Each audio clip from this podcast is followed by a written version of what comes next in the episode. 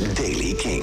Van donderdag 26 oktober 2023. Binnen een paar minuten ben je bij met het laatste muzieknieuws. Heb je de nieuwste releases gehoord? Normaal gesproken ook op de radio tijdens Kink in Touch, maar tijdens de King 1500. De lijst met de beste muziek ooit gemaakt, net zo makkelijk in deze podcast. Vandaag is er nieuw festivalnieuws over Pulp en PJ Harvey... en hoor je nieuws over Christine McVie. En ja, nieuwe muziek van de Beatles. Jasper Leidens. Maar eerst vandaag nieuws over Son Mieu. Toetsenist Quinten heeft eh, bekendgemaakt te stoppen bij de band. Dat laat de Haagse band vandaag weten op Instagram. Quinten speelde al vanaf het begin bij de band... en is ook tevens de jongere broer van de zanger van de band, van Camille. Op Instagram laat de band weten... na jaren samengespeeld te hebben is het tijd voor verandering. We zijn tegelijkertijd trots, verdrietig en gelukkig om aan te kondigen... dat onze vriend en broer Quinten de band zal verlaten. Voor Quint is er een nieuwe droom verschenen. Elke noot die je speelde zal voor altijd onderdeel zijn van Sommieu. Dan is er goed nieuws, misschien wel voor de Nederlandse festivals... als het gaat om Pulp en PJ Harvey. Vandaag heeft het uh, Noorse festival Euja bekendgemaakt... dat ze met een jubileumeditie komen begin volgend jaar.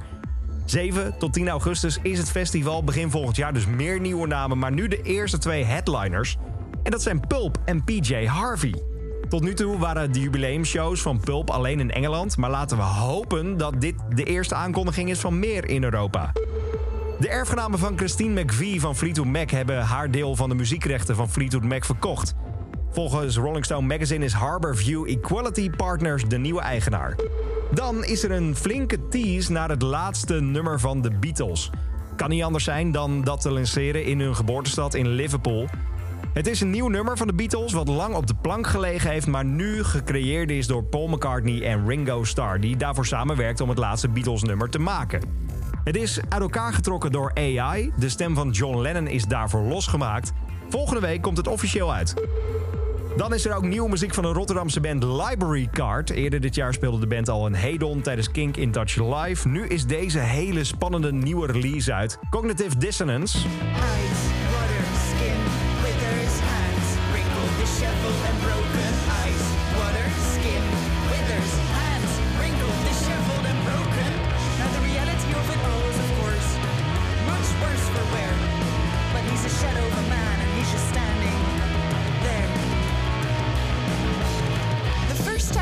De nieuwe single van Library Card hoorde je vandaag in de Daily Kink.